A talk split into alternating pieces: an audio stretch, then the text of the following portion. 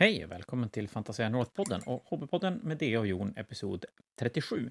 Jag heter Dea och ikväll har jag, precis som förra helgen, inte med mig Jon. För att eh, vi är två låtsasvuxna män som försöker bolla familj och hobby. Och ibland är det inte så lätt, framförallt inte när skolan inte har börjat och jobbet har kört igång, så är det lurigt att få tid att sitta ner tillsammans. Men det spelar ingen roll, ni får väl stå ut med min sköna stämma ytterligare en, en hobbypodd. För det är fredag, då målar man figurer och snackar hobby-ish.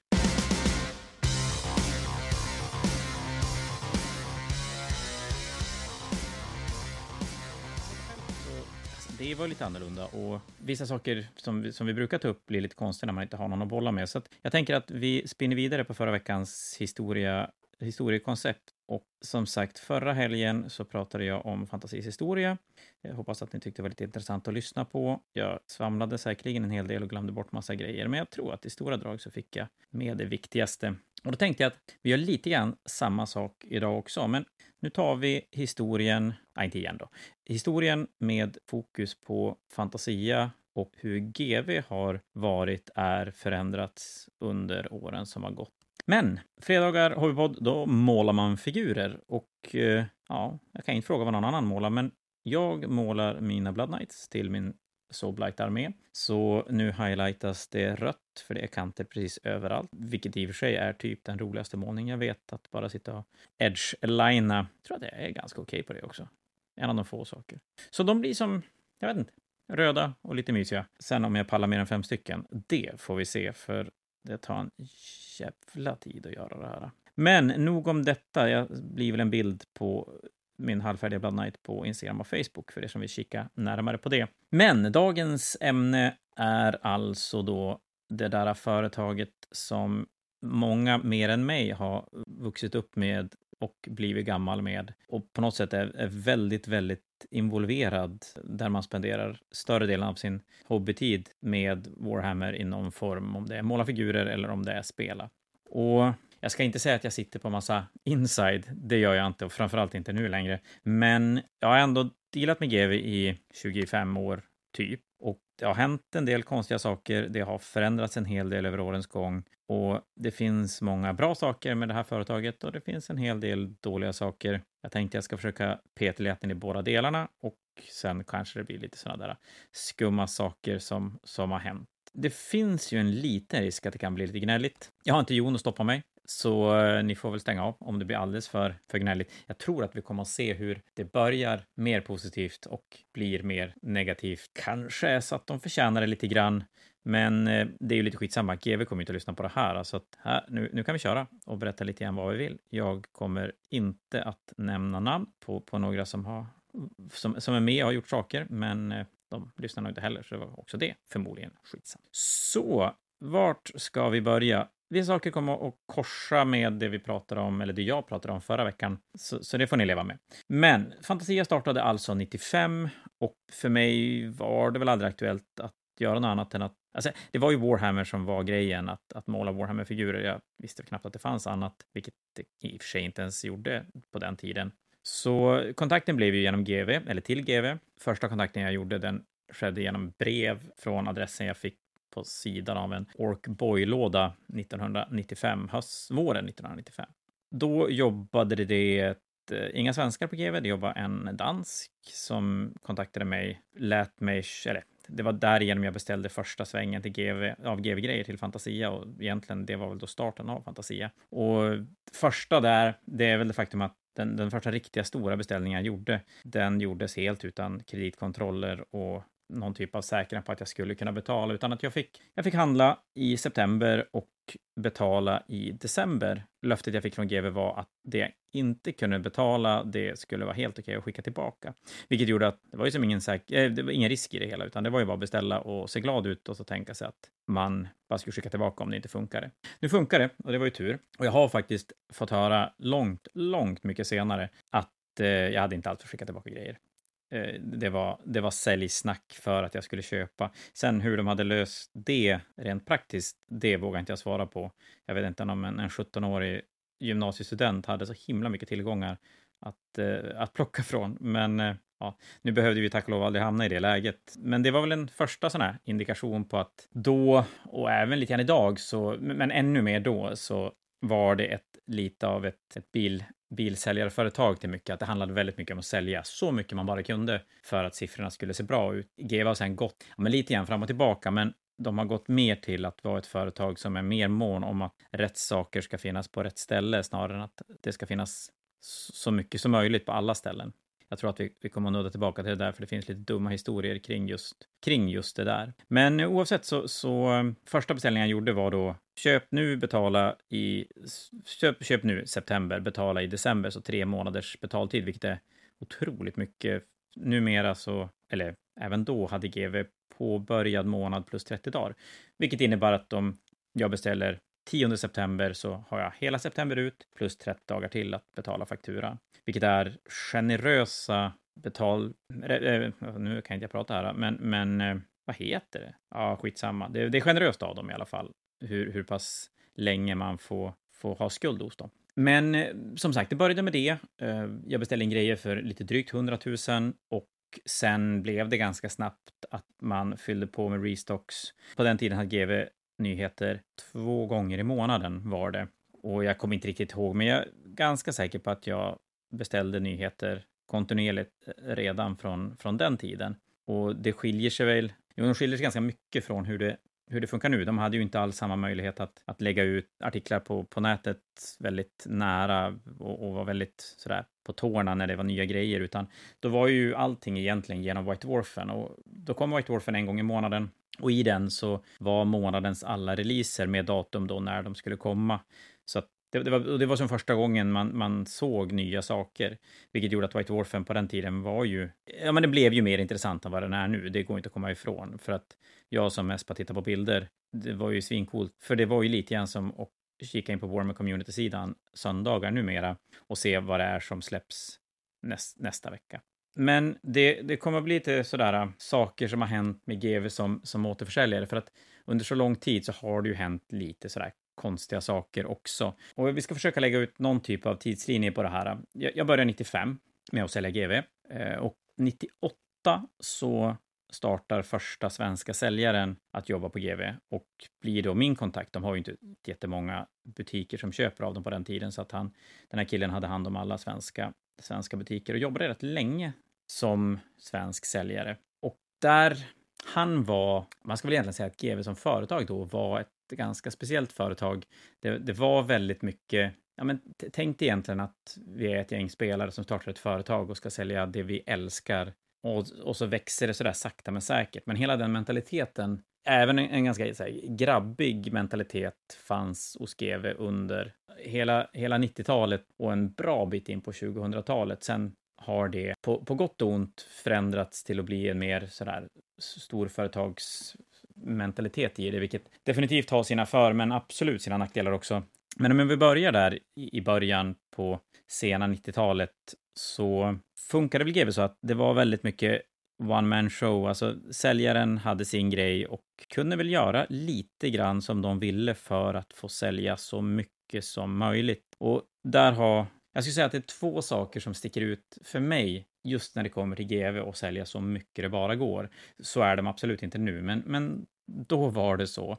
Och en sak har jag själv råkat ut för och en sak har jag fått höra genom GV som har hänt en annan butik. Och det, det ska väl säga det, det är ganska mycket hörsägen här, det som jag inte har varit med om själv. Men allting som jag berättar nu har kommit har blivit berättat av GV-anställda, oftast då ganska långt efter, så att det är väl så att saker och ting har blivit preskriberade så att det, det, går att berätta eller att man tänker att det spelar kanske ingen större roll. Och det jag, det kanske värsta jag har krockat med när det kommer från GVs sida, när det kommer till att sälja så mycket som möjligt, och det här var lite längre fram, nu är vi någonstans sent 90, Blood Bowl släpptes, så kan det ha varit 90, 99 kanske. Och då har det börjat en ny svensk säljare som, som jag inte har jobbat så mycket med. Och när Bloodborne ska releasas, när vi ska beställa, beställa de lådorna, då tänker vi att ja, men vi, vi siktar väl in på att beställa en 20-30 lådor till release. Men säljaren på GV, svensk kille, ganska nystartad, men det reflekterar ju inte jag över då, sa att eh, dealen gäller för er att om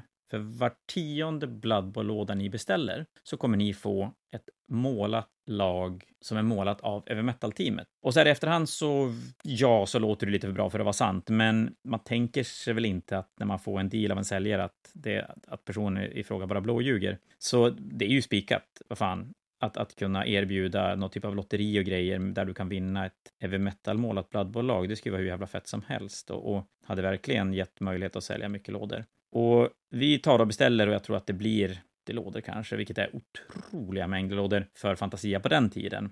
Och ärligt för Blood Bowl även nu för tiden. P problemet är att de här målade lagen ska ju komma sen, så att vi gör väl ingen grej av det då, utan tänker att vi, vi säljer lådor på releasen och, och så sen planerar vi att göra en grej av det här när vi har fått de där lagen. Eh, tiden går, vi är på lite grann den säljaren, men du ser ut. Ja, nej, men vet du, det är många lag, det tar lång tid. Det kommer, det kommer. Och, och så här fortgår det i nästan ett halvår att ja, det kommer. Men det tar tid. Det är mycket lag, det är mycket måla, men det kommer. Helt plötsligt en dag så ringer en annan säljare upp och presenterar sig som en ny säljare hos skriver. Och, och då blir det så här, ja, nej, men han som hade lovat det här, han har slutat. Eller han har fått sparken. Exakt vad han fick sparken för, det kommer jag faktiskt inte ihåg. Om det här var en grej av det, det vet jag inte. Eh, och där sitter vi då med, med 70 Blood lådor kvar och absolut inga målade lag från Ever Metal-teamet. Nu lyckas vi övertyga GV om att det här var någonting vi hade blivit lovade och få returnera Blood Bowl tack gode gud, för det hade varit tungt att bli av med dem. Och, och, där någonstans lärde man sig kanske att är det för bra för att vara sant så kanske det är inte sant. Helt Så det var våran kanske värsta mina. Nu blev det väl inte i och för sig en mina med tanke på att vi försöker tillbaka lådor, men det höll på att bli en riktig jävla mina man, man klev på. Eh, en annan sån där äh, sälja så mycket man kan historia som jag har hört från GV är ju rätt fantastisk. Eh, Gorka Morka för ni som har varit med länge vet detta enormt härliga, nej, inte härliga, orksbil, Mad Max orkspel.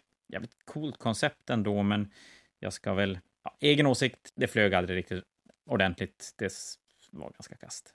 Var det. det hade sin charm, men det, det var väl inget. En, en, rolig grej där var att på den tiden fick vi ja, nästan alltid demo-ex av grejer. Och Gorka Morka fick vi ett demo-ex av, men vi fick inte reglerna. Utan vi fick figurer och så sen fick vi referensarken. Och sen skulle vi, jag vet inte vad GW hade tänkt, men att vi skulle på något sätt pussla ihop några vettiga regler av referensarken. Så att det som hände var att communityn i Umeå tog det där, byggde bilar och började spela spelet med referensarket. Och så fyllde man på med regler allt runt omkring för att få ett fungerande spel. Och så blev det lite så att när spelet sen kom så visade det sig att de flesta tyckte att de regler som var byggda själv, som vi hade då designat ihop, var bättre än originalreglerna. Så att, ah, äh, Gorka Morka flög då inte på fantasi i alla fall. Jag vet inte hur det ser ut i resten av Sverige, om det fanns hardcore communities någonstans. Men i alla fall, jag har fått höra sen om en, en eh, norsk tant som hade en typ av så här, Panduro hobbybutik och hade blivit påsåld en pall Gorka Morka så hon hade helt enkelt fått hem en pall. Vi pratar kanske 120 Gorka Morka. Det går inte att sälja alls. Punkt. Då är du en liten Panduro-butik i Norge så säljer du inga 120. Du säljer kanske inte ens en. Så att jag fick höra av en säljare som började flera, flera år senare när GVs trovärdighet var ganska körd i botten av ganska många sådana här historier som ringde upp den här damen och, och sa, ja men du har ju handlat av oss tidigare, eh, kanske dags att kika på det igen och fick fruktansvärd jävla utskällning för att hon hade fortfarande kvar Gorka Morka på, på vinden. Det var säkerligen kostsamt för henne nu i och för sig idag att lasta fram 120 Gorka Morka. Då lär man ju kunna göra sig en bra nog jävla slant på det stora internet. För nostalgin är tung inom Warhammer-hobbyn för tillfället. Det var lite grann om, om GVs, GVs eh, sug av att sälja så mycket de bara kan utan att egentligen tänka på konsekvenserna det har som sagt, det pikade någonstans på vad kan vi vara? Kan vi vara 2005 kanske skulle jag tro? 2004, 2004 2005, då, då någonstans så, så gjorde GV en, en 360 när det kom till just den typen av försäljning och blev mycket mer mån om att det skulle säljas. Nej, fan, det är ännu tidigare. Det är nog rent millenniumskiftet som, som eh, GV gör den förändringen och, och tittar mer på att sälja rätt saker än att sälja så mycket som möjligt. Och, och, det var väl en del vi fick lära oss av GV också, att det handlar inte alltid om att sälja så mycket saker som möjligt. Om vi nu ska se oss själva som säljare, att, att inte sälja så mycket saker som möjligt, utan sälja det folk behöver. Även i, i den också ganska intressant, man fick, vi fick även lära oss att vi skulle inte sälja det folk ville ha, utan vi skulle sälja det folk behövde, vilket ibland framförallt med nya, nya spelare så, så är det ganska ofta sant att det de vill ha är inte alltid samma sak som det de behöver och det gäller att hitta någon sorts balans däremellan, för det är klart att, att inte köpa det man vill ha är ju lite tråkigt också. I början på 2000-talet så kickar GV igång ett butikskoncept som de kallar Elite Stores eller Games Workshops Elite Stores. Och Fantasia och alla andra butiker i, i stil med Fantasia som är egenägda är ju och har aldrig varit en del av GV. Det, det, är ganska viktigt att komma ihåg att vi är helt egna. Vi gör ja, men typ vad vi vill med, med GV-grejer. Det enda vi aldrig får göra och aldrig har fått göra det är att sälja nyheter tidigare än, än releasedagen. Och, och det har varierat lite grann hur pass hårda de är med det, men man kan väl alltid säga att de har varit hårda med det. Det, det värsta, det värsta, det, det hårdaste, ska vi säga, straffet man kunde få, och det är det som ligger kvar än idag, är att första gången man blir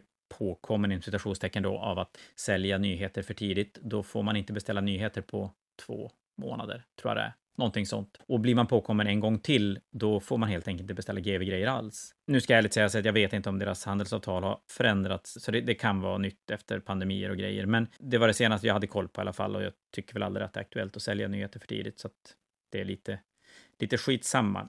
Jag vet att i Danmark hade de under den tiden när det här dök upp så hade de problem med att butiker försökte som ange varandra, att man, man kikade, okej, okay, nu jobbar det någon, någon extraanställd bakom kassan, då smiter man in som konkurrerande butik och försöker köpa nyheter.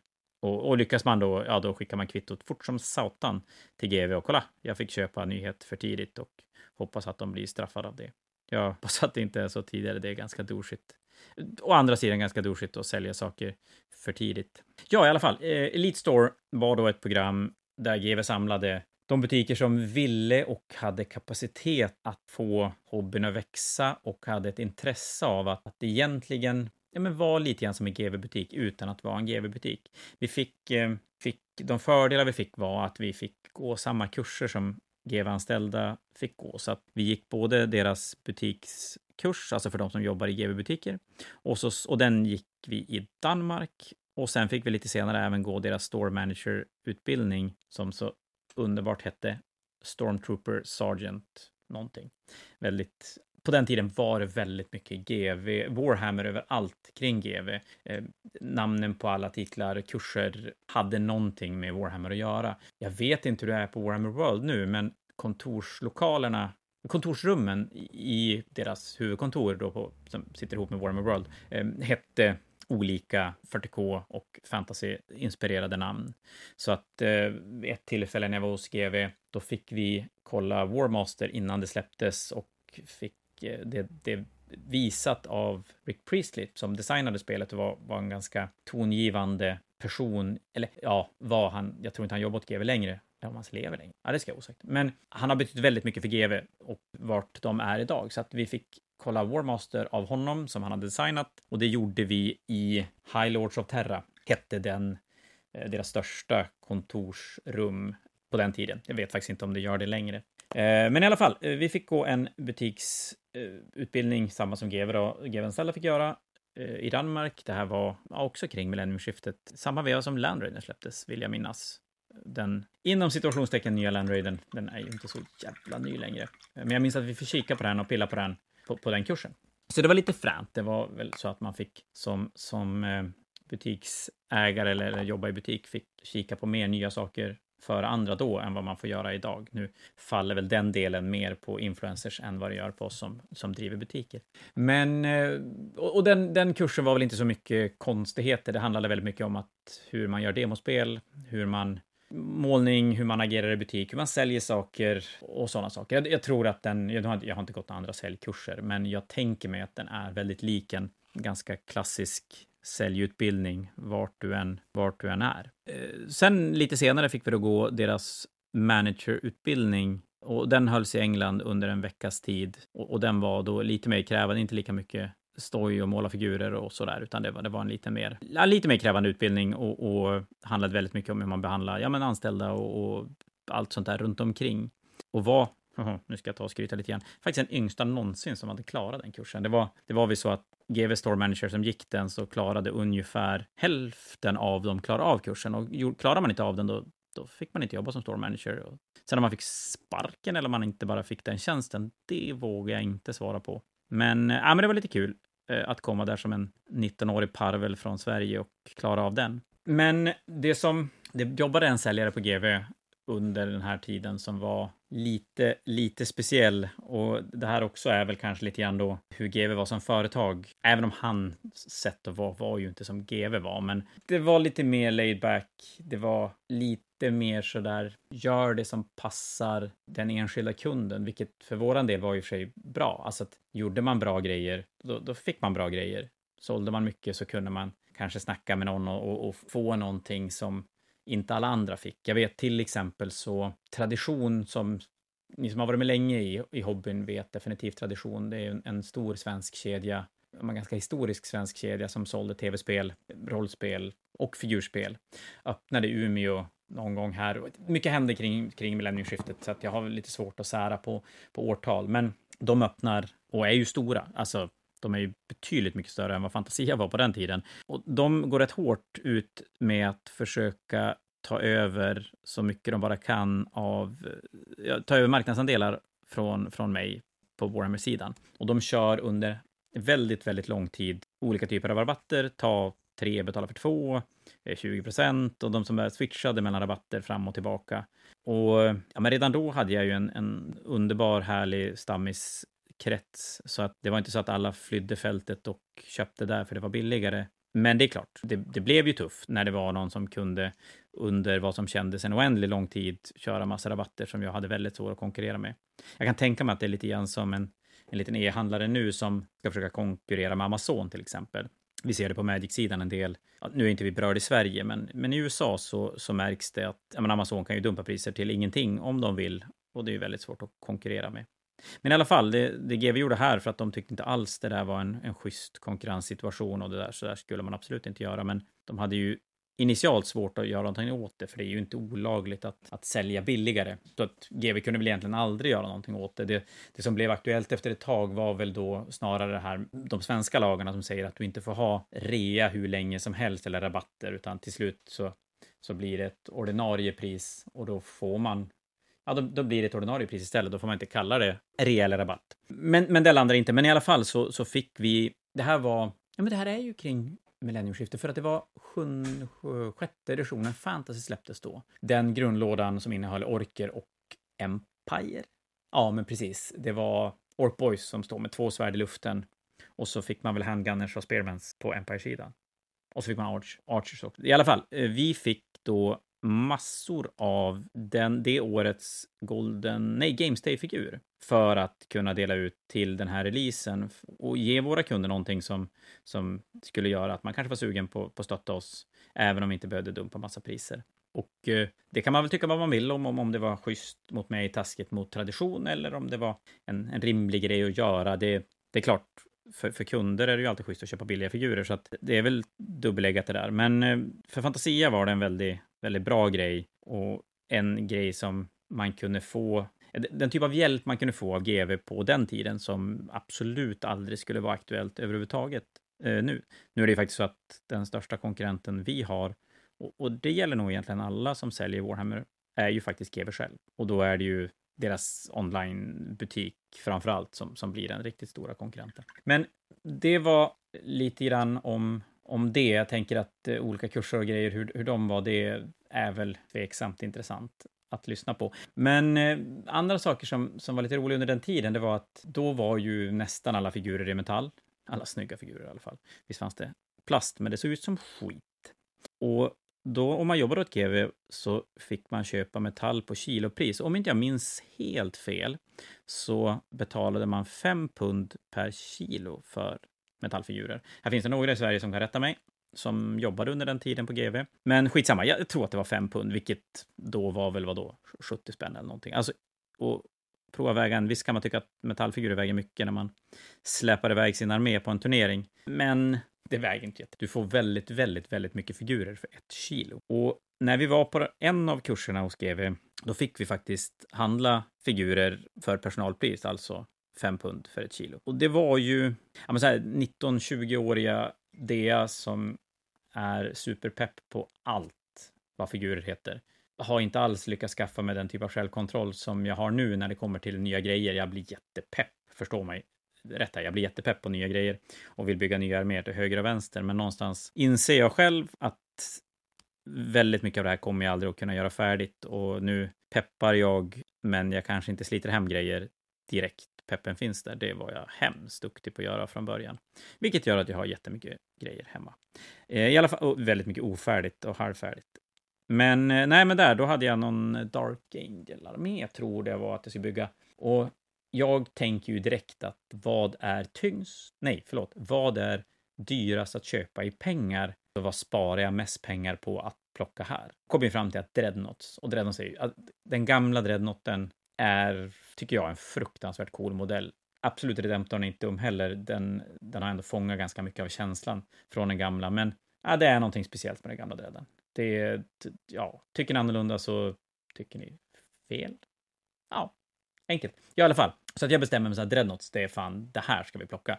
Så att jag plockar på mig, jag vill säga 10 Dreadnoughts. Lite annat också, men det är väldigt mycket fokus Dreadnoughts. Och då är det så att på deras lager, deras mailorderlager, så, så ligger bitarna i men typ så här verktygslådor. Hur ska jag förklara det här? Men, ja, men skitsamma. Det, det är lådor fulla av, av lösbitar och alla bitar har ju ett artikelnummer så att då går man och plockar. Man kunde ju även beställa lösa bitar på den tiden. Så att jag plockar ihop allt som man ska ha till Tidrennos. Så jävla pepp. Eh, ner i en sån vit pappkartong med ett mailorder-troll på och buntbandas ihop och det tar jag med mig hem. Och en liten avstickare nu, för när jag ska hem från den där eh, kursen så ska jag då ge mig ut på Gatwick flygplats.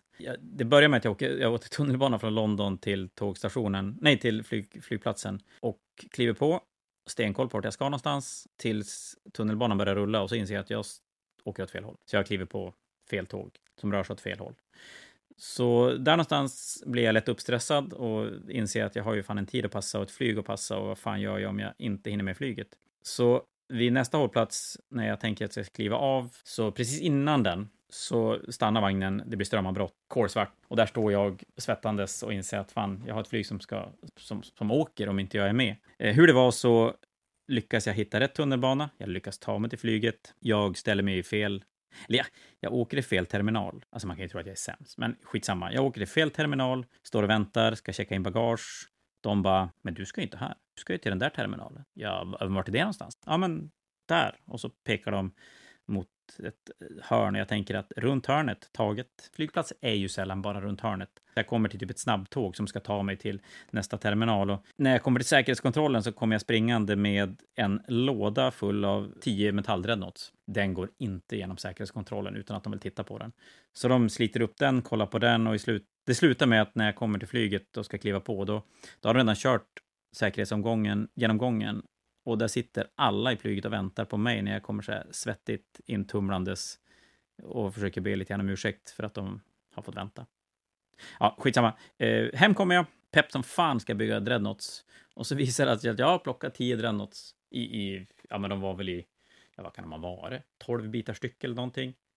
Och så har jag glömt en mittendel på allihopa. Så jag kan ju fan inte bygga någon dreadnought. Och sen orkar jag aldrig beställa den där biten som säkert kostade 10 spänn. Men det blev aldrig gjort. Det blev inte ett Redont-projekt. Det blev inte något mer Dark Angel. Kommer inte ihåg vad det blev för armé istället. Men någonting annat blev det. Ja, i alla fall, ganska coolt koncept att kunna köpa figurer på, på kilopris, vilket gjorde det oändligt billigt att hålla på med jobben då. Eh, problemet de hade, framförallt som jag kan se ur svenskt perspektiv, och jag gissar att problemet var väl bland alla nationaliteter som jobbade hos GW, det var att de fick ganska många som jobbade en väldigt kort stund, tog ut all sin lön i figurer och sen bara skit det här, nu åker jag hem. Så eh, under en period där från 2000 till 2010 ska jag säga, då byttes det folk ohyggligt mycket som svenska säljare. Det var nästan så att man hade en ny säljare varje gång. Alltså det är allt från, från att, ja, jag har en kille som visar sig ha telefonfobi så han vågar inte ringa folk. Det är lite jobbigt om du jobbar som telefonsäljare. En snubbe blev GV kontaktad av hyresvärden och så här, ni har en anställd som verkar ha försvunnit.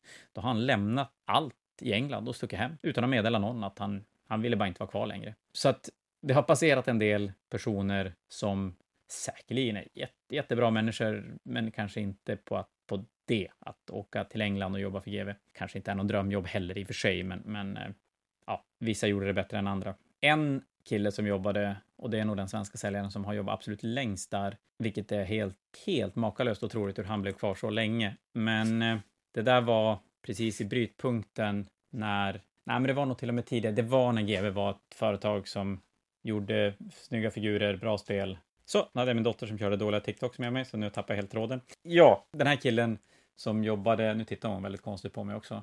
Hon ska gå och sova. Så gott Leia. Den här killen blev kvar längre än vad han kanske borde. Men, ja, jag vet faktiskt inte hur han lyckades med det, men några saker. Ett var att GV skulle, så att köpte man GV-grejer då, då, skulle GV då bjuda över en på, på Gamesday och kolla det, vilket var svincoolt. Och när den här snubben slutade jobba där och jag fick någon ny säljare så, så av någon anledning så kom vi in på det där och, och det var så här, ja men lite grann snacket blev, vad tyckte du? Och så jag bara, eh, jag har aldrig varit på Gamesday.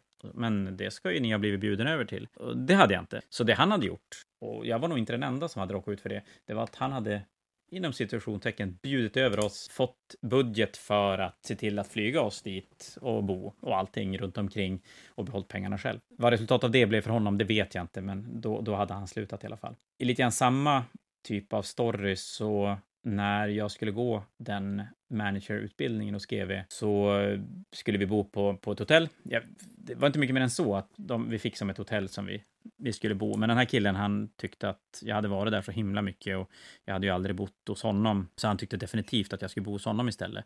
Så att eh, efter lite om så gör jag det och det blir lite, lite hajkon där. Men, men det, det må vara i alla fall.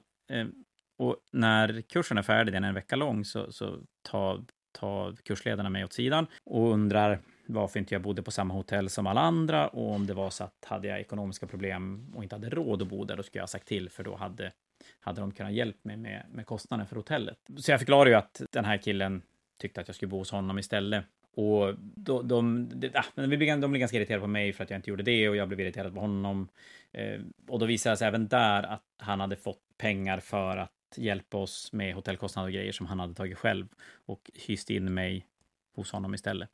Så han var väl ingen, ingen jättebra människa. Men, men det dummaste som jag var med om kring den här killen, det var när vi var hos honom och så står vi och tittar på, han har figurer, som vi alla som håller på med den här hobbyn, vi har figurer på hyllor och grejer. Så vi står och tittar på en figur, en ork, jag vill minnas att det var en ork på Borboy eller någonting sånt. Och vi tycker vi känner igen den så jävla väl.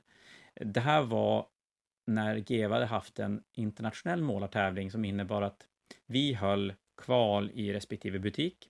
Vinnaren i, på Fantasia och på andra butiker runt om i Sverige blev skickade till, till GV Stockholm där de hade en, en nationell tävling bland alla vinnare då.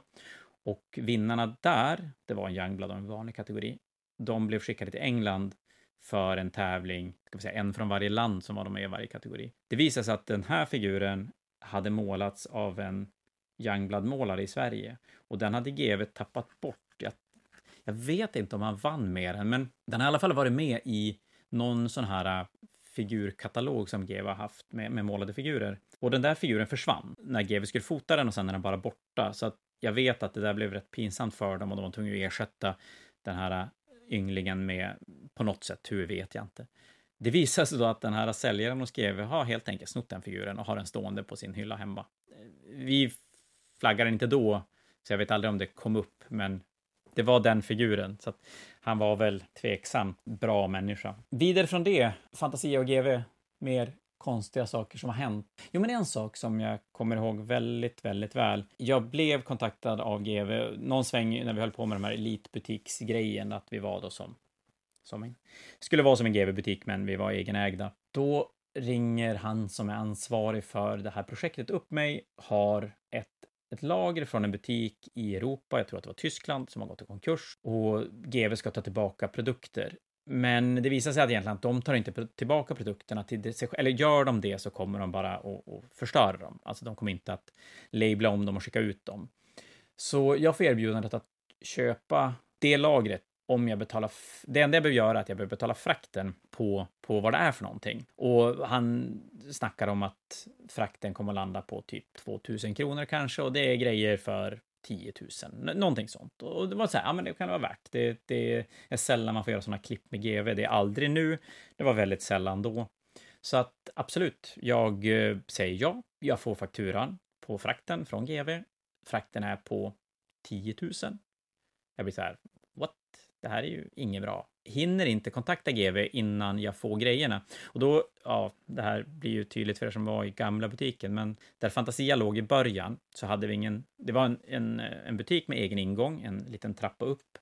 Eh, vi hade haft inbrott på Fantasia så att baklastutrymmet som i och för sig var en jävla trappa upp till lägenheter och så hade vi en dörr där man kunde lämna in grejer. Så det, det, var inte så praktiskt att ta sig in där heller. Men vi hade haft inbrott där och den dörren hade vi bommat igen. Så att enda ingången ut och in var, var kundentrén. Och så kommer en, en fraktsnubbe in och så bara du, Laskaj, vart har ni det? Man bara, Laskaj? Nah, nej, nej, det har vi inte.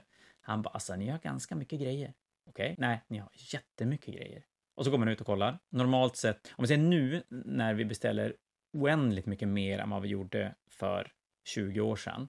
Då som mest så kanske vi får tre pallar och en pall består väl av tio stora kartonger. Så jag går ut och där ute står det en fullstor DHL-lastbil full av GV-kartonger. Så det är, om jag inte minns fel, så är det typ 60 stycken stora GV-lådor och, och, en sån där låda, för er som inte har sett en sån, rymmer... Ja, men du, vad kan det rymma? Vad ska vi ta? Vi tar Ska vi ta en Lema Russ så tror jag nog att du får ner 16, 20 Lema Russar i en sån låda. Så ni förstår att det, det är ändå rätt stora lådor. Eh, det är 60 sådana lådor som, som kommer inramlandes som vi ska trycka in med, med allt från, alltså hur mycket grejer som helst. Jag, eh, jag är faktiskt så ärlig att jag tar kontakt med dem och för att de vill ha en lagerlista på vad som var för någonting. Förmodligen skulle de checka av någonting så att jag skickar den när jag har checkat av allting och ja, jag behöver inte skicka tillbaka grejerna, men vi kan väl säga så att det var inte riktigt meningen att jag skulle få de mängderna. Och så här i efterhand så hade man ju önskat att man hade behållit mer av de sakerna, men det var så här åtta Fortress, Warhammer Fortress, som fanns någon gång i början på 2000-talet. Det är det jag minns. Det är den siffra som fastnade i huvudet. Men det var mycket grejer. Det var, det var dumt, men ganska roligt. Någonstans på ja, kan det vara 2005, 2006, 2007, där någonstans, så börjar GW sakta men säkert att bli ett mer, ska vi kanske kalla det ett mer kommersiellt företag? Alltså från våran sida, och jag kan ju egentligen bara prata ur independent retail perspektiv och hur det är att hantera och ha att göra med GV, så blir det mer och mer strömlinjeformat så att och, och saker och ting går mer och mer till att det ska vara lika för alla. Det är extremt så nu, vi kommer komma till det lite längre fram, men det har gått från en, en tid där det var väldigt mycket deala med sin säljare och det hade ju, det är klart, det är ju sina för och nackdelar med det, men var man stor, eller framförallt skillnaden kanske var att visar man en vilja att göra bra grejer så gav det, fick man oftast någonting från GV. Ett exempel till exempel är att i Umeå finns det en mässa som heter Norlia-mässan som är en eller var en eh, Sveriges till besökarantal största allmänna mässa som inte hade något speciellt, speciellt fokus. Eh, den var över nio dagar och eh, vi var på den mässan ett, vid ett x antal tillfällen och då fick jag, för, för då, då, då, tog jag kontakt med GV och, och förklarade lite grann situationen, att vi skulle vara på en mässa över nio dagar. Det kommer att vara 100-120 000 deltagare som kommer kunna gå förbi och, och vi vill då göra demospel och, och målning och sådana saker. Och då fick jag figurer för målning, jag fick färg, jag fick till och med lite budget för att kunna ge dem som hjälpte mig ersättning i form av figurer. Och det gjorde ju, för Fantasias räkning så tror jag att Norliamässan och möjligheten vi hade där gjorde att Umeå blev en, en enormt stor ska vi säga, en, det blev en stor, enormt stor community i Umeå på grund av det. Att vi fick möjligheten att visa Warhammer för alla. Lite grann som, man, som Warhammer har möjlighet att göra nu med, med Youtube och, och lättillgängligheten. Men förr i tiden, jag menar då, det började 2000 var första gången och sen var det varannat år i, det kan ha varit tio år kanske.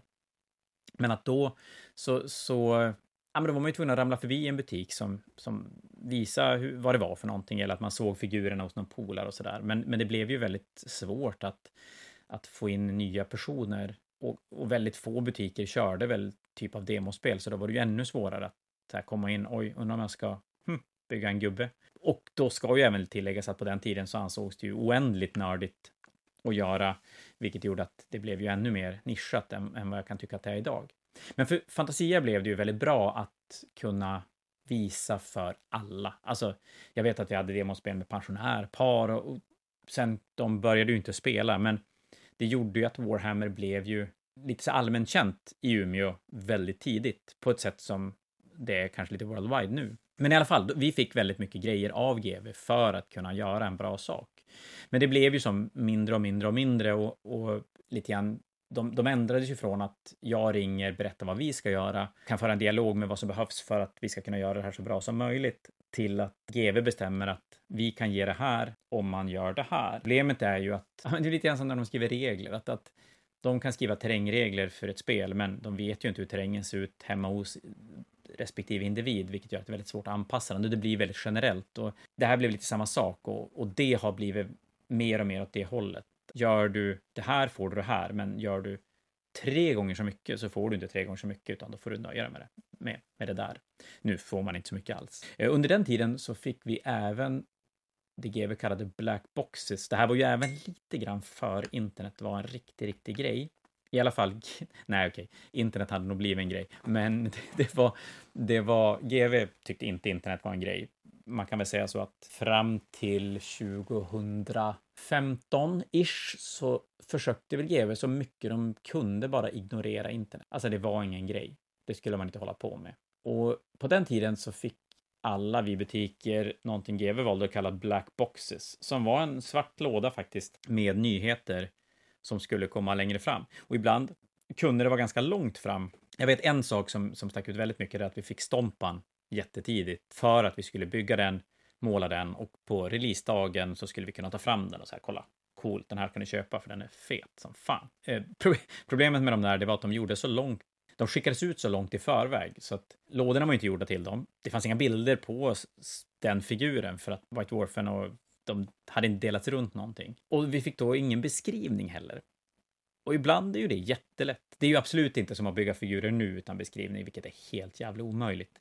Men jag vet att Stompan, vi fick nog aldrig ihop Stompan korrekt, om jag inte missminner mig. Mm, för den var, den var lurig. Kom inte riktigt ihåg. Jag tror att vi hade fick en monolit på det sättet också, men, men det ska jag ha osagt. Men Stompan vet jag, jag tror att Stompan var den sista vi fick också. Och där har väl våran typ av butiker oss själva att skylla att vi slutade få sådana saker för att det, det läckte ju som ett såll. Alltså, den kom ut och det fanns bilder på internet på den där figuren. Så att eh, det slutar de med. Och nu för tiden får vi ingenting för. Alltså, vi får inte veta ett skit för det. Nu gäller det att vara intresserad själv för att ha koll. Och GV räknar väl egentligen med att de som säljer Warhammer ska inte sälja till sådana som bryr sig mer än att de har börjat spela och ska måla lite gubbar. Eh, blir man djupare och mer involverad än så, då ska man klara sig själv. Alltså, då ska man ta reda på informationen själv, vilket kan vara lite frustrerande när man, när man själv är hobbyist och, och tycker det är ändå kul att kunna göra bra saker inför releaser, men det är ju det är stört, stört omöjligt nu för tiden. Men eh, sen är det väl inte så himla mycket, jag tror inte jag har så mycket mer anekdoter att berätta kring kring GV. Ja, men det är väl, nej, nej, men det är inte så mycket. De har väl gått lite fram och tillbaka till att supporta grejer. Vi har periodvis fått olika typer av grejer för att ha till turneringar, till att supporta turneringar. Eh, numera har de ju tillbaka, lite grann det här generiska, nu, nu får vi köpa ett turneringskit som, som alla kan köpa om man, om man vill hålla ett så Store Championship. Vilket jag i och för sig inte ska se som något negativt. Det är det. Det är schyssta grejer man får, det är coolt, det är kul att de uppmärksammar turneringar och att vi får någonting för att hålla turneringar. Så det, det, är egentligen bara positivt. Jo, men en, en, jo, en, gam, en gammal grej som har hänt som ändå är ganska rolig.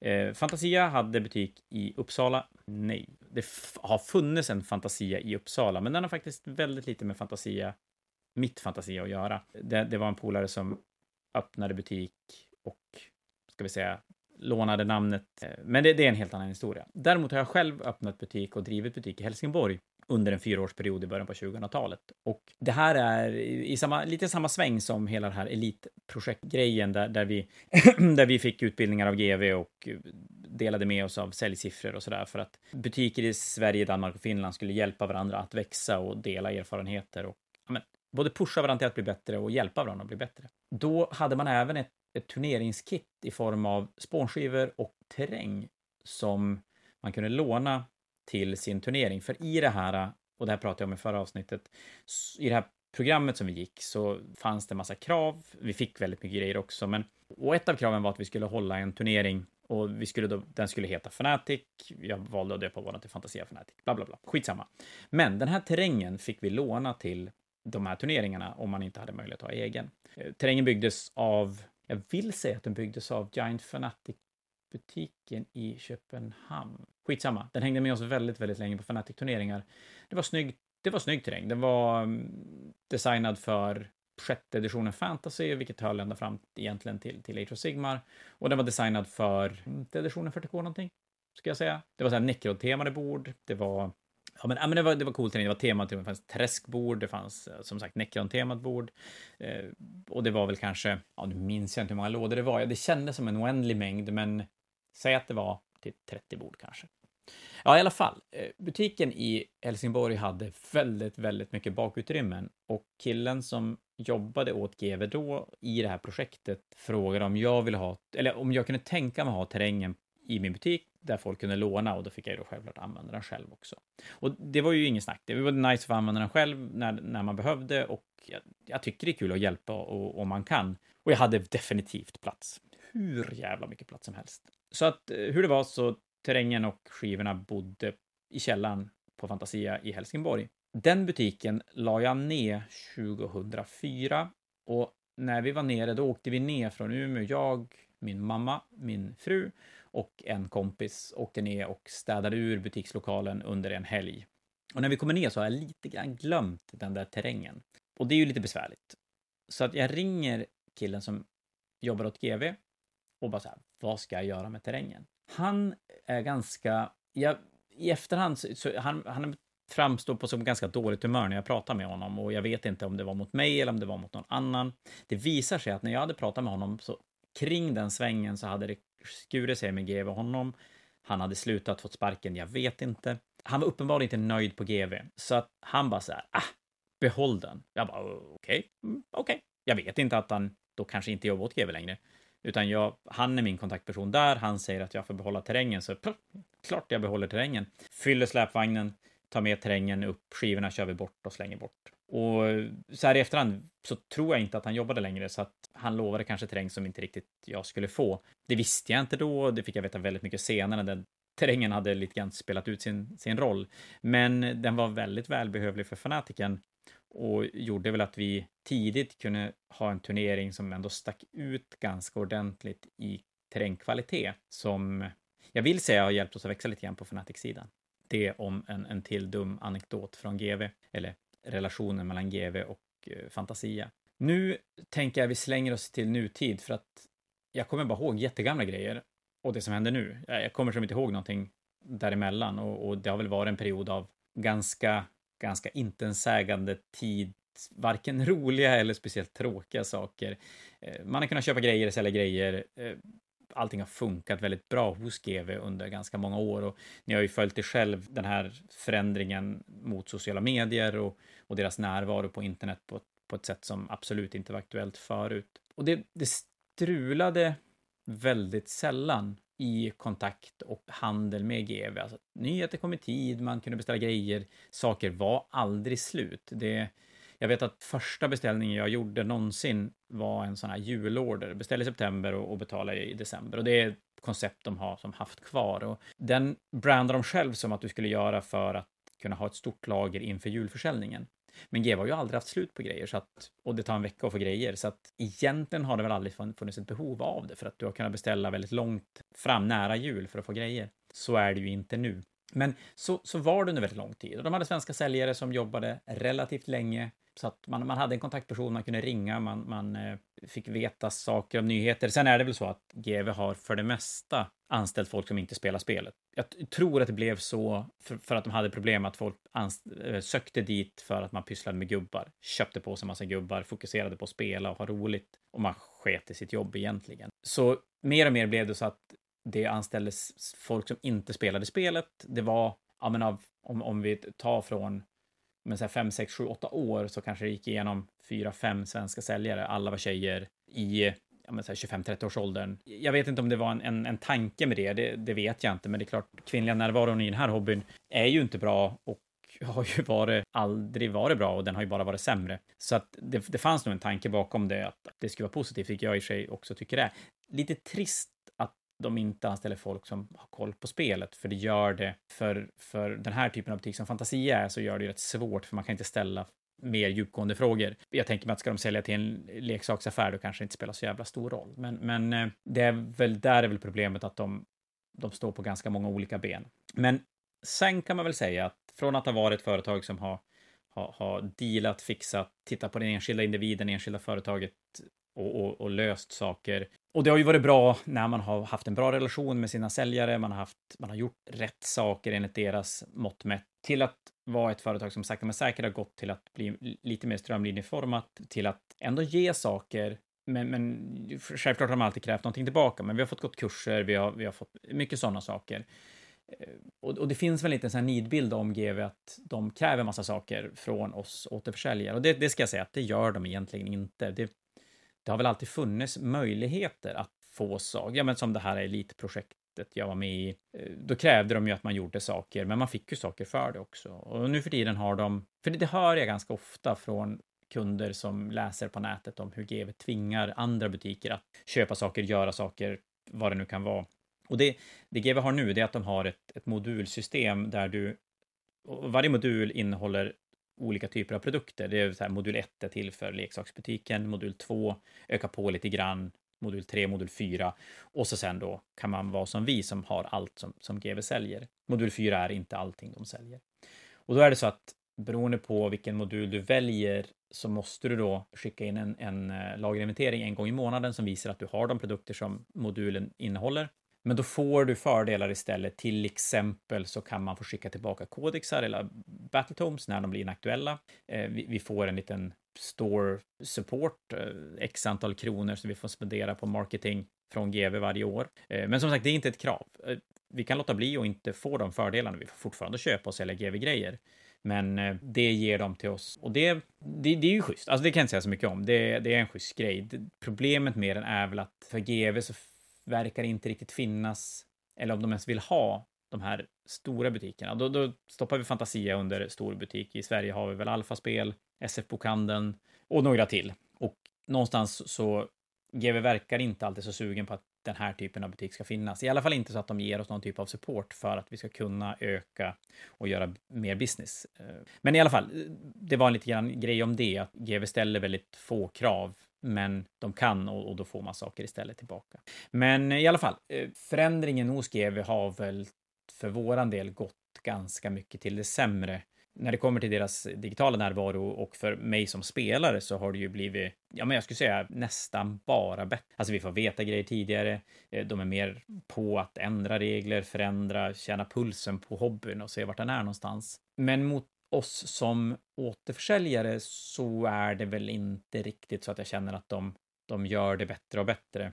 Och nu kommer det bli lite gnällrant här, men jag tror att det kan vara kanske kul att, att, få en förståelse för hur GV jobbar, framförallt när det kommer till nyheter och, och, och möjligheten att ha produkter i lager och sådana saker. Och vi får ju till exempel inte veta någonting i, i förväg numera, eh, utan vi får samma information som ni får. Söndag så, så läggs ut på Warmer community vad som ska förhandsbokas på, på lördagen. Eh, på måndag får vi en prislista med de sakerna. Och, och i och för sig, ja, vi får veta priserna tidigare.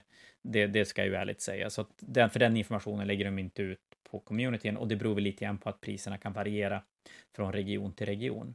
Men eh, som sagt, vi, vi, får inte veta någonting i förväg och, och GV har ju som tre ben att stå på. Och där kan jag tycka att för Fantasias del och även, men jag skulle nog säga alla butiker som säljer Warhammer-grejer och det här är ju alltid lite känsligt för att för gemene kund, för mig som hobbyist så kan det ju vara ett icke-problem, men det kan ju bli ett problem om man vill att en community ska växa. Och jag, jag skulle nog vilja säga att en community växer ännu bättre om det finns en butik som kan stötta supportaren. Spelföreningar är ju fantastiska och, och ni som driver föreningar ideellt gör ju ett jävla underbart jobb. Men jag tror även ni som, som gör det förstår, eller kanske till och med har en support från en lokal butik och att det ger ganska mycket. Man kanske kan få ett sånt här priskit för att hålla klubbturneringar eller, eller vad det kan vara för något. Och, och kanske ett sätt att slussa in nya människor som kan vara svårt om man har en källarförening så kanske inte eh, Pelle 12 bast ska glida ner i en källare och bara åh, vad gör ni för någonting coolt, måla gubbar. Utan kanske få gå igenom en, en hobbybutik och sen till den lokala föreningen. Men ja, för, för GV har ju då som tre delar. De har oss återförsäljare som säljer deras grejer eh, och andra saker och gör lite grann vad vi vill. De har sina egna butiker som de äger själv, som heter då Games Workshop eller Warhammer. Och sen har de ju sin mailorder-sida. Och förut kunde man i alla fall se ganska tydligt vart fokuset låg från GVs sida. Och det, det gick som i cykler, att, att periodvis var det då mailorder-sidan som fick all kärlek och sen var det GVs egna butiker och sen var det oss. Och så snurrade det lite grann så att man kunde nästan se att det gick, ja men som sagt i cykler, vilket, vart fokuset lades. Och jag vet att det funkar så att hos GV är det här tre olika avdelningar som, som inte har så himla mycket med varandra att göra. De har sina egna, e, egna chefer, sina egna säljmål och ja, men försöker ju göra så bra siffror som möjligt mot GV som stor koncern. Och det där blir ju ett litet problem och ett problem som växer sig kanske lite större och större och, och ni som är inne i hobbyn och, och, köper grejer, antingen beställer eller, eller köper lokalt i butik, vet ju att många produkter från GW kommer i sådana vita eller svarta lådor utan tryck på med bara ett klistermärke med namnet och det är ju det de kallar direct only sortiment. Och då är det så att GW har ett standardbutikssortiment som kommer i sådana här lådor med, med, tryck på, som vi kan ha stående på hyllan. Och sen har de en ganska stor del av sitt sortiment. Någon gång hörde jag siffran 800 som butikssortimentet. Resten var online only. Jag tror att den har förändrats lite grann. Och det, enligt våra avtal, får vi inte ha i lager. Vi får ha som beställning så att vi kan ta beställning från en kund och, och leverera när det kommer. Vi har sämre marginal på de sakerna så att om det är så att ni märker att det finns rabatter i olika typer av butiker så är den ofta sämre på det som är direct only för att vi har klart mycket sämre marginal från GVs sida. Och det där har de själv sagt som, eller anledningen varför de har gjort så där säger de själv är att deras egna butiker, vissa av dem är så små att de kan inte ha deras fulla sortiment och därför har de valt ut saker som ska rymmas där och resten ligger som beställningsvara. Och då ska inte, ja, antingen att de inte vill att vi ska ha mer grejer eller att de inte ska behöva trycka lådor till det, det vet jag inte. Det, det har jag aldrig fått ett, ett klart svar på. Men det gör i alla fall att vi får inte ha det som lagervara. Vi har en budget varje månad hur mycket vi får beställa. Den är löjligt liten. Eh, vilket gör att, ja men skulle någon komma in och vilja börja spela till exempel eh, Drukari, Dru större delen av Drukari-rangen är mailorder eller direct only, vilket gör att en sån inköp skulle typ knäcka våran budget på att beställa direct only-grejer.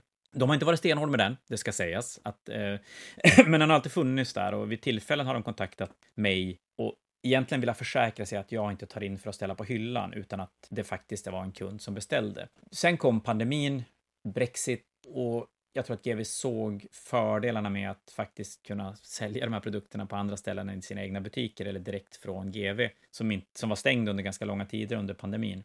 Så de har släppt det här otroligt mycket.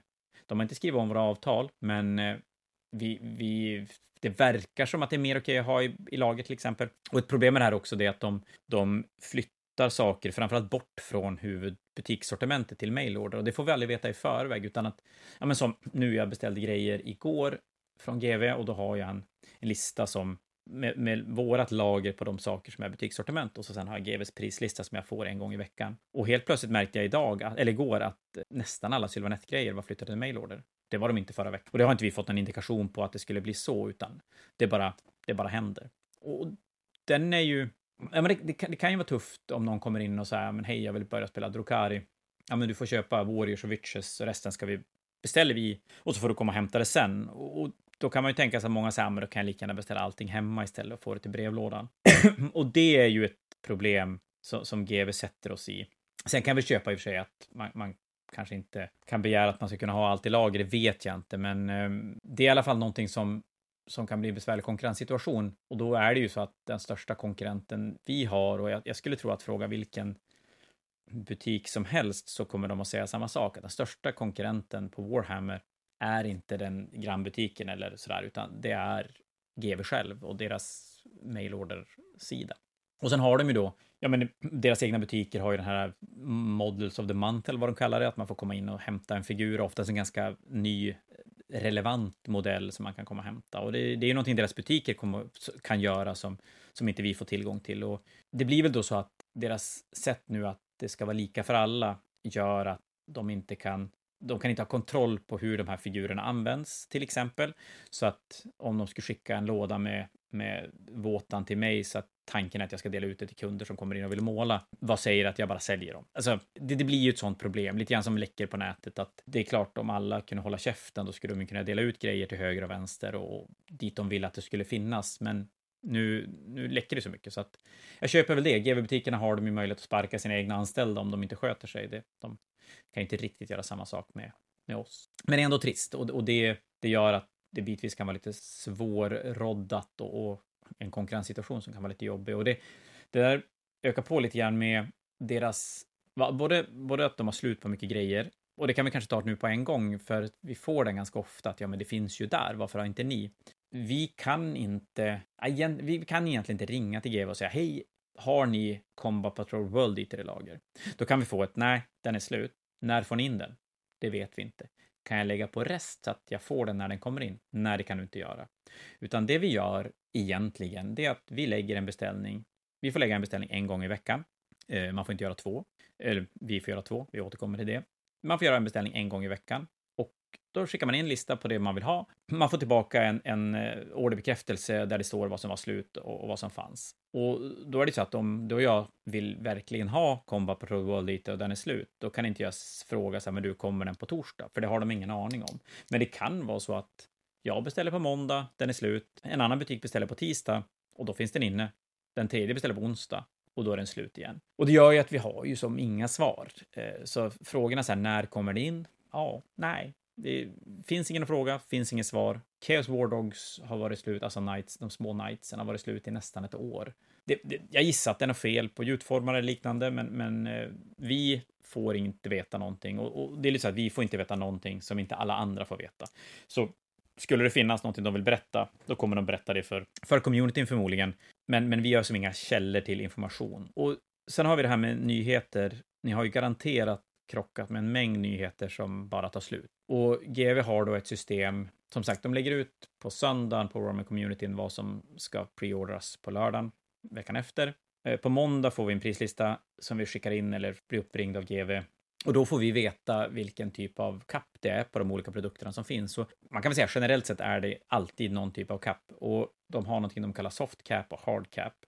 Eh, soft cap innebär att man får beställa 30 stycken av en produkt och tanken med det då är egentligen att det är inte är en superhet produkt, men det ska göra att det ska räcka till alla. De räknar med att vissa butiker kommer att beställa 5 och vissa beställer 30 och då ska det räcka hela veckan ut så att alla får chans att beställa sina, sina antal. Några butiker, där Fantasia är en av dem, när omsättningen ökar till en viss nivå, då får man enkelt sett två konton, vilket gör att man får beställa dubbla antalet nyheter och man får beställa två gånger i veckan. Nyheter som en separat grej och restock som en separat grej.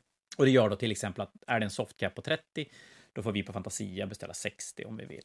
Eh, men sen har de det de kallar hardcap och det är då en, en mycket, mycket mindre mängd av en produkt som jag vet inte varför. Om det är så att de, det är svårare att trycka en Lionel Johnson än ett Blood jag har ingen aning. Men Lionel är väl kanske det mest uppenbara exemplet senaste halvåret där vi fick beställa 10, en mindre butik fick beställa 5. Och egentligen funkar det då så att om jag beställer på måndagen och jag beställer mina 10, då på, ska vi se, måndagen veckan efter, alltså måndagen efter den har gått på officiell preorder, då om det finns fler kvar hos GV så att alla har tagit sina, sin, alla som vill, ville beställa under den här veckan har beställt sitt antal och det finns kvar i lager, ja då får man beställa fler och så portioneras det ut. Man får önska hur många man vill ha.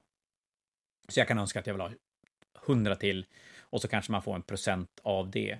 Man måste ta den procent man får så att man kan inte alltid bara säga en miljard. För skulle man då få en miljard Lionel Lonson, ja då skulle man kanske gå i konkurs. Men eh, så man måste försöka hitta en rimlig siffra och så sen vet man att jag kanske inte får någon till, jag kanske får 50% till, jag kanske får 100% till. Det, det, det, får vi inga indikationer på överhuvudtaget. Oftast är det ju så att det finns inga kvar, för den är så otroligt begränsad, den här hardcapen som de sätter. Line Elonson var ju ett tydligt sånt exempel då vi fick beställa 10 och ja, hade kunnat sålt 60. Och där, där kommer ju nästa problem då, att, att GV har två, ska vi säga, butiksstorlekar, att de har butik liten och butik stor. Men det är väl kanske så att de skulle behöva titta på, om de vill ha den typen av butiker som vi är, som det finns det till till i Sverige, som, som ändå satsar ganska hårt på att göra en bra grej kring Warhammer, att då kanske man eh, skulle ha en till del, att se att vi kanske säljer mer än så att vi skulle behöva en, en tredje nivå eller någonting sånt. Men, men det gör ju att det är lite tungrot med, med vissa nyheter som man kanske skulle kunna sälja 50-60 av man får. Och ibland då, och, och det, sån, så, sån grej blev det idag som, som gjorde att jag fick en liten hjärnblödning. Jag skickade in en order på tisdagen på nyheterna Eller igår blev det, jag fick veta det, skitsamma. Eh, I mån tisdag skickade jag en nyhetsorder och det är då Killteam, dvärgarna, Killteam, eh, Inquisitor-gänget och Drukari och Beastman. Och så lite annual och grejer. Jag skickade in den i tisdags, det var inga caps, det var den här vanliga softcapen då på 30 och vi skulle få beställa 60 stycken. Jag skickade in den på tisdagen. Av någon anledning så får jag inte en orderbekräftelse förrän på torsdagen. Och på den orderbekräftelsen är det noll Imperial Agent Killteam-laget, eh, Inquisitor Killteam-laget och dvärgarna. För då visade det sig att den hade sålt slut på måndagen. Och vi vet ju inte när det kommer fler. De anställda har ingen aning om när det kommer fler, så att jag vet inte när Fantasia kommer att få in fler av den. Och då vet jag inte om det är så att det är tio butiker som har beställt 60 stycken eller om det är omöjligt att, att ha koll på. Och det är också en sak, som det gör det lite rörigt. Att inte kunna ha nyheterna som kommer, inte i det här fallet inte alls. Men eh, som sagt, GV visar ju numera ganska lite förståelse för det och framförallt väldigt lite incitament för att göra någon förändring i det. Och jag är rädd för att den förändring de skulle tycka var rimlig var att begränsa nyheterna ännu mer. Och det blir ju konstigt och ni vet ju själv säkert hur det är att inte få tag i, i den där nya lådan som man vill ha. Sen kan jag köpa att det är många som, alltså det, det är många kunder, men GV är ju stor så att det, det borde ju vara så att under åren som har gått borde de ha lärt sig ungefär hur mycket de behöver av lådor i, olik, i olika popularitetsgrad så att de inte skulle behöva ta slut på det sättet i alla fall. Men eh, där ser vi väl inga riktiga förändringar från, från GVs sida. Det var väl det om det. Nu har jag pratat alldeles, alldeles för länge. Kanske någon stackare som lyssnar vidare fortfarande. Det här är ju en, det märker ni kanske, det här är en del jag brinner ganska hårt för. Och både tycker det är roligt att prata om fantasia och lite sådär historia man har varit med om. Det finns säkert en massa mer som jag har glömt bort när man sitter och, och pladdrar själv. Försökte faktiskt splitta ner lite grann, men ja, det kommer ju så här lite i, i, olika ordningar vad man, vad man kommer på när man pratar. Men nästa vecka så är Jon tillbaka. Då ska vi väl eh, förmodligen prata tärningar. Vi får se lite vart vi landar någonstans. Men oavsett, jättekul att ni har lyssnat på mig. Eh, det har varit roligt att underhålla er i en och en halv timme nästan. Hoppas att ni ja, men kanske har fått lite mer förståelse hur, hur GV funkar kring det här med, med nyheter och produkter och grejer, för det är ju rörigt när saker och ting är slut hela tiden. Och, och lite dumma anekdoter från, från GV Historia. Oavsett, tack för ikväll. Vi hörs igen om en